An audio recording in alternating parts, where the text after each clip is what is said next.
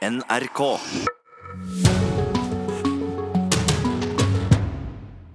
Nå straks klokken ni åpner dørene til The Gathering i eh, Vikingskipet på Hamar. Tusenvis av ungdommer samles på det årlige datatreffet, som er verdens nest største etter Dreamhack i Sverige. Det som forkortes til TG, ble arrangert for første gang i påsken 1992. Reporter Mette Finnboro Børresen, hvordan ser det ut i Vikingskipet akkurat nå? Jo, her eh, står tusenvis, eh, hundrevis i hvert fall, av ungdommer i kø for å komme inn i Vikingskipet. De har ikke gått inn ennå, de står og venter på å få eh, komme inn. Mange av dem har traller der de har stabla PC-er og høyttalere og sofaer og lenestoler. Skal sitte behagelig. Så det gjelder nok å komme seg inn og få rigga seg til nå. Og jeg kan høre med en av dem som står i kø her, hvordan det er med forventningene. Alrik Olai Vik, hva er det du gleder deg til nå? Akkurat nå så gleder jeg meg mest egentlig å få utstyret på plass. Jeg har stått der siden klokka ett i natt, så da er det moro å komme seg inn. Så nå skal vi trille inn utstyret og få satt det opp, og det blir, det blir moro. Og så blir det moro med konsert eh, i kveld. Så det blir alltid god stemning av det. da. Så... Hva er det du har med deg her? Akkurat nå så har vi med oss eh, stoler, eh, gamingstoler som vi sitter godt og behagelig. Og så har vi med oss eh, tre hyller til meg og mine venner, med da diverse kjølebag og klær og en god del drikke og, og diverse da tekniske utstyr som vi bruker da i løpet av uka. da. Eller ja. Har du vært med på det før? Ja, dette er tredje året mitt. Eh, så det har vært eh, tre bra år, egentlig. Det eh, blir mest sannsynlig siste året med hylle, for det er mye arbeid, men det er ufattelig moro. Spesielt nå har vi vært med på hyllekonkurransen de siste to åra, hvor man konkurrerer med hyller. Hvem som ser best ut og avansert. og Det er mye som kommer med der. Og vi har klart å vinne to år på rad nå og fått gratisbilletter. Så da er det liksom initiativ til å komme igjen. Så bra. Men, men man må alltid spørre hvorfor vil dere sitte inne eh, og spille hele påsken i stedet for å være ute? Nei, Det er jo fordi at det er et fattig bra samfunn. Altså er, uh, vi har et fellesskap. da. Alle sammen har noe felles. Det er spilling. Uh, og så er det jo mye mer enn spilling òg. Uh, vi har som oftest mye felles interesser på, som baserer seg rundt nett. da, På nett og internett. Og det, det, er veldig morsomt å møte andre. For det er som sagt, Vi sitter som oftest kanskje hjemme hos hverandre sjøl og snakker via nett. Og så har man muligheten til å treffes da på større treff sånn som her. da. Og det er ufattelig moro, da, syns jeg. da. Jeg har møtt en god del nye venner her òg. Som sagt så er det Gathering arrangert første gang i 1992, men eh, første gang i Vikingskipet i Hamar i 1996. Så i år er det 22. påsken med The Gathering her. Og nå har jeg med meg eh, fagleder for innhold, Freya Viridian. Viridian. Um, har, uh, hva er det som gjør det her så populært? Vel, Vi er den største samlingsplassen i Norge for digital kultur. Eh, og når jeg sier digital kultur, så snakker jeg ikke bare om videospill og dataspill, selv om det er en veldig stor del av det. Vi har kreativ datakultur som handler om musikkproduksjon og å tegne på datamaskinen. Det er eh, en kulturform eh, og internettkultur som samles her, og som er utrolig populært blant ungdom i Norge i dag.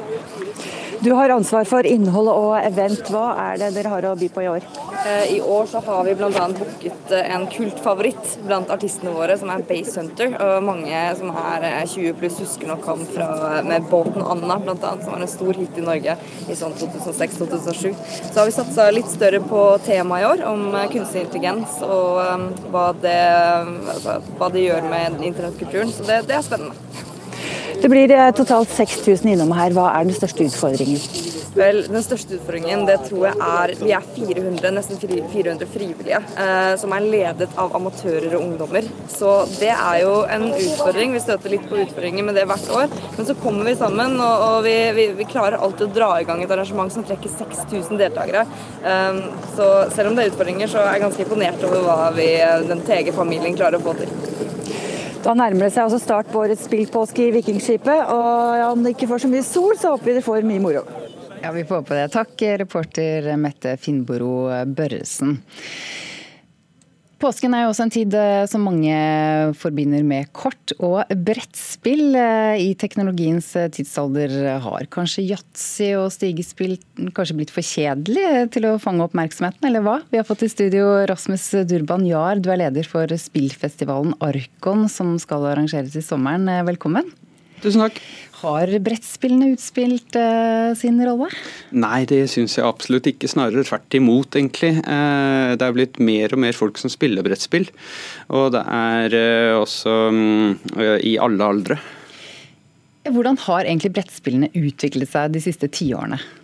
Ja, det har jo uh, blitt mer og mer altså forskjellige typer, egentlig. da. Uh, selv om de uh, tre liksom, hovedtypene har holdt seg um, sånn konstant, så er det jo veldig mye mer innenfor de. Eh, det har også kommet en god del mer eh, promotering med digitale sånn, med altså, reklame og eh, altså utspredning da, via Facebook, YouTube, eh, Kickstarter, som har vært veldig god for å få nye brettspill på markedet.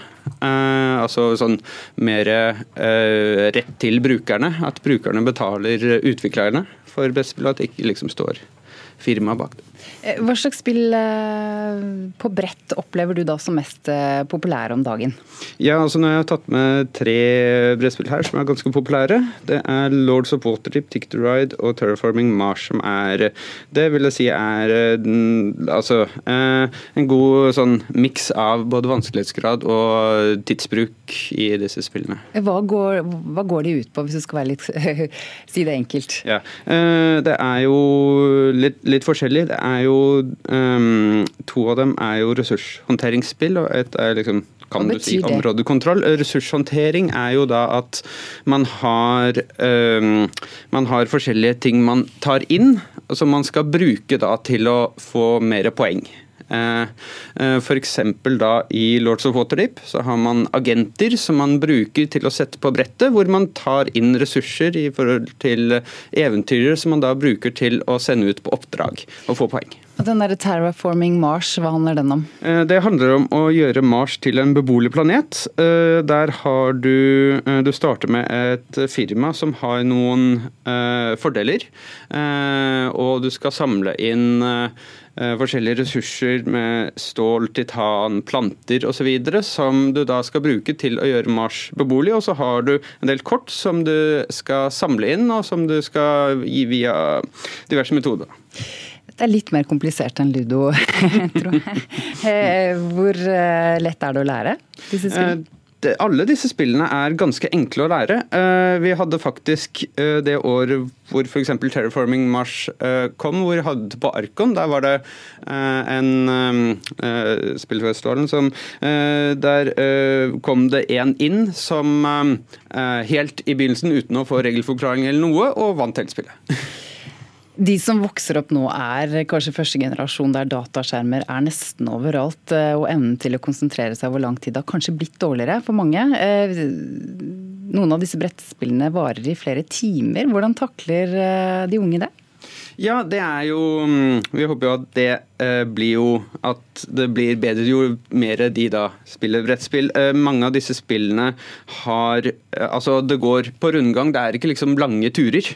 Eh, det er eh, Man gjør ting for det meste hele tiden, som innvirker på andre. Og det, det kan jo også eh, være bra at man kan trene opp konsentrasjonen Veldig kort til slutt. Jeg spør for en venn. Har du noen gode tips til brettspill for to? Ja, det er jo eh, Jeg og forloveden spiller jo et spill som heter Fog of Love. Eh, som er Man skal spille fiktive par og deres utfordringer. Eh, vi har jo også for andre typer spill, krigsspill, som heter House Divided, som også er veldig god. Tusen takk for at du kom, eh, festivalleder for spillfestivalen Arkon, som altså arrangeres eh, mellom 21. og 24. juni. Rasmus Durban Jahr. Da skal vi tilbake til brannen i Notre-Dame, for den har også fått eh, flere uventede kulturelle etterspill. Papa? Belle, you must leave here. This castle is alive. Who's there? Do you wish to take your father's place? Kulturreporter eh, Tone Staude, er ikke dette noe fra en eh, Disney-film? Jo, det er fra Disneys 'Skjønnheten og udyret'. Nokså eh, fri tolkning av Victor Egaas klassiske roman 'Ringeren i Notre-Dame'. Den gikk rett inn på ti på topp-listen over de mest solgte familiefilmene, og Det er jo en kjærlighetshistorie da, mellom ringeren eller pukkelryggen Quasimondo og skjønnheten Esmeralda. Ja, Hva med boken? Får den også nå et oppsving, kanskje? Ja, det franske nyhetsbyrået AFP melder at Victor Hugos eh, roman da er eh, føk rett opp eh, på toppen av Amazons salgsliste etter storbrannen i går. Og boken ble flittig sitert også? Ja, særlig på nett og i sosiale medier. og Det dreier seg om disse sitatene de har brukt, dreier seg om at Victor Hugo altså for nesten 190 år siden beskrev hvordan alles øyne vendte seg mot Notre-Dame. De ser over rosevinduet mellom klokketårnene der det oppstår en sterk flamme, som bl.a. Spyr, spyr ut brennende regn og gnister. Nytt tema nå. Komikeren Bill Cosby er eh, sint, eh, ifølge avisen New York eh, Daily News. Ja, og det på sitt eget forsikringsselskap eh, AIG, som har inngått en avtale i et sivilt søksmål med en kvinne som anklager den fengslede komikeren for overgrep, altså uten hans viten og vilje. Han sitter jo i fengsel. Ja, i fjor høst eh, ble han eh, Cosby, som er mest kjent i Norge for The Cosby Show, dømt til mellom tre og ti års fengsel for å ha dopet ned og voldtatt en annen kvinne enn denne i den sivile rettssaken i 2004. Eh, Også rundt 60 andre kvinner har anklaget Cosby for å ha dopet dem ned og voldtatt dem en, i løpet av en periode på 50 år, men de fleste av disse sakene er foreldet. Takk, kulturreporter Tone Staude.